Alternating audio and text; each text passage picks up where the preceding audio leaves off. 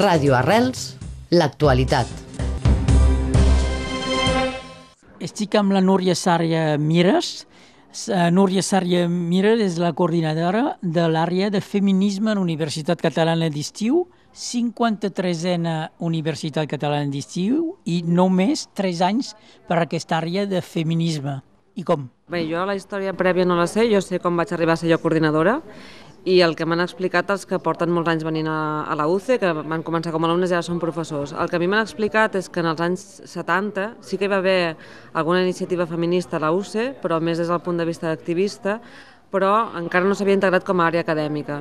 Llavors el que va passar en el 2019 és que el que era, és coordinador de l'àrea de pensament, Josep Montserrat, que és el degà de la meva facultat, eh, jo soc professora de filosofia, em va demanar no, que hi havia molt d'interès, sobretot per la gent més jove de la UCE, l'alumnat més jove estava reclamant una àrea de gènere i feminismes, i com que és una de les meves àrees d'especialització em van demanar a mi que me n'encarregués. I la sorpresa ha estat mm, molt agradable perquè hem tingut moltíssima assistència en les tres edicions i assistència molt jove i molt mixta, o sigui, hem tingut molts nois eh, que s'han acostat per primera vegada a l'àrea de feminisme i han après coses. I a mi això és una cosa que m'ha fet molt feliç de que per, pri, per primer cop eh, més nois joves se sentin interpel·lats per, a, per això, això fa venir esperança de canvi. No hi ha reticència de part de nois, en tot cas evidentment, pels que, pels que venen.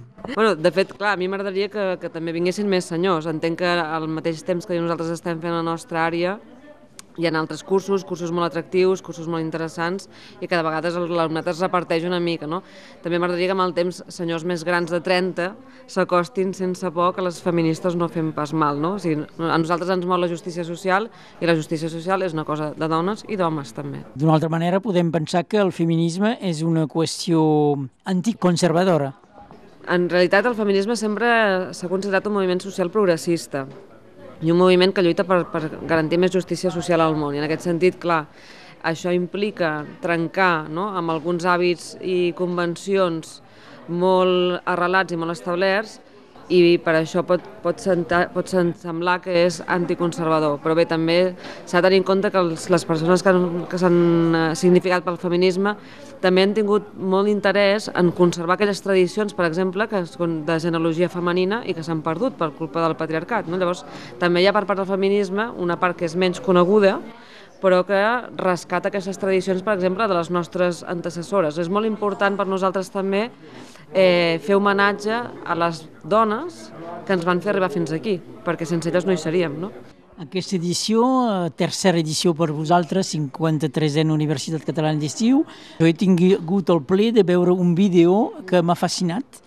És eh, lligar l'art, la maternitat, el trauma i el naixement amb l'art català i només amb l'art català. És això que és sorprenent. Sí, aquesta és una cosa que jo vaig conèixer de casualitat. Uh, ho ha presentat la meva amiga Anna Hennessey, que ella és estatunidenca, però està casada amb un català, i ella és doctora en Ciències de la Religió i filòsofa. Llavors, ella va fer una tesi doctoral sobre el naixement i investigant una mica la cultura catalana es va donar que hi havia una relació no, entre l'art contemporani català i el significat antropològic del naixement com també una metàfora de la cultura catalana, que davant de moments de moltíssima repressió sempre acaba renaixent, no? Per tant, és la circularitat del temps, la voluntat d'existir, la voluntat de persistir en l'existència, i això no, ens ho van exemplificar amb cinc artistes catalans, dos d'ells homes, Miró i Dalí, no? que són els més coneguts, i després tres eh, dones, la Eugènia Balcells, el Bosc de Ginebrà de Xico Cabanyes i la Mari Xordà, no? que són persones que són més recents, però que coincideix que s'han significat políticament, no? per una banda, per la preservació de la cultura catalana, però alhora no? han utilitzat la figura femenina en els diferents cicles de la vida com per il·lustrar eh, aquesta voluntat de, de ser de persistir, d'existir i si t'han destruït, de retornar, no? de retornar encara amb més força, no? perquè la vida el que té és que és persistent, la vida sempre s'imposa a la mort. No? Es pot pensar que en l'època contemporània eh, a l'estat espanyol i donc el naixement, renaixement, el trauma és lligat a la història i doncs a, a la guerra? Eh, tal com ho presentava l'Anna, i a mi el que m'agrada del vídeo és que serveix molt per explicar Catalunya, no? la cultura catalana a l'estranger, sobretot a la persona que no coneix això, tal com ella explicava, ella associa com, no, el naixement com una manera de superar el trauma que ha provocat les diferències violències que hem patit no, com, a, com a poble.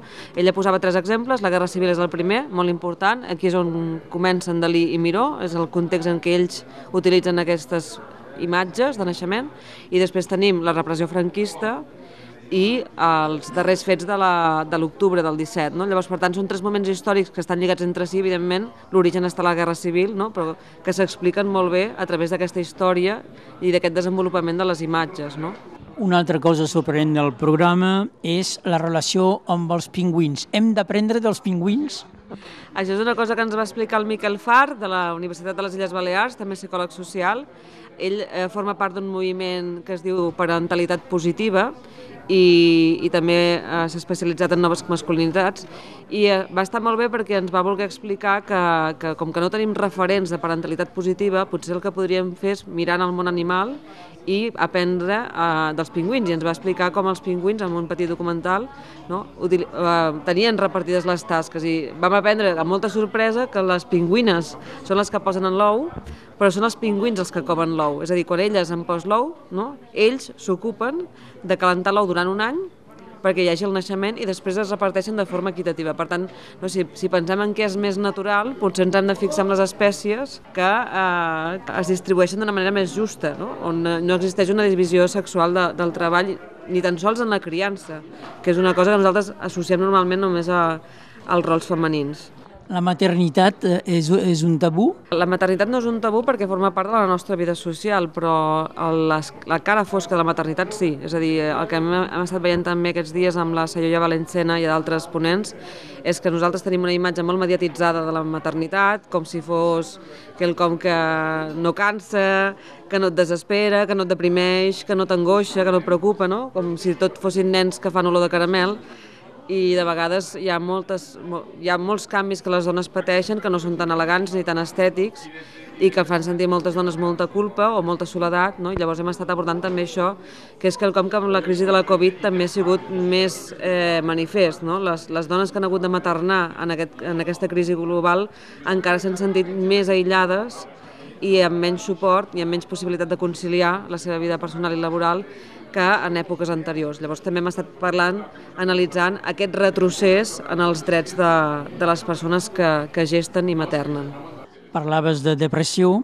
Segons la, la, alguns tòpics, les dones són més, eh, tenen més tendència a la, la depressió, a, les, a, a problemes mentals, fins i tot el, te, el, el mot que s'empleava, que s'utilitzava sempre, l'histeria femenina. Mm. Eh, com s'explica? És veritat? No és veritat? A veure, aquí hi ha dues coses. No? Per en primer lloc, no? que hi ha, com hem vist aquests dies, un viatge de gènere implícit en, la, en el naixement de la psicologia i de la psiquiatria, és a dir, que moltes vegades es patologitzaven conductes considerades femenines no? o, o inclús persones que no s'adequaven bé al rol femení, no? o sigui, les dones havien de ser d'una determinada manera, el que sortia d'aquest estereotip era considerat patologia mental, i això no sempre ho era, i l'altre és que realment sí que hi ha una exposició més forta a determinades patologies mentals per part de les dones, perquè el món en què vivim és un món injust amb les dones, per tant, quan et passen coses dolentes, és normal que tinguis una sensació de salut mental més negativa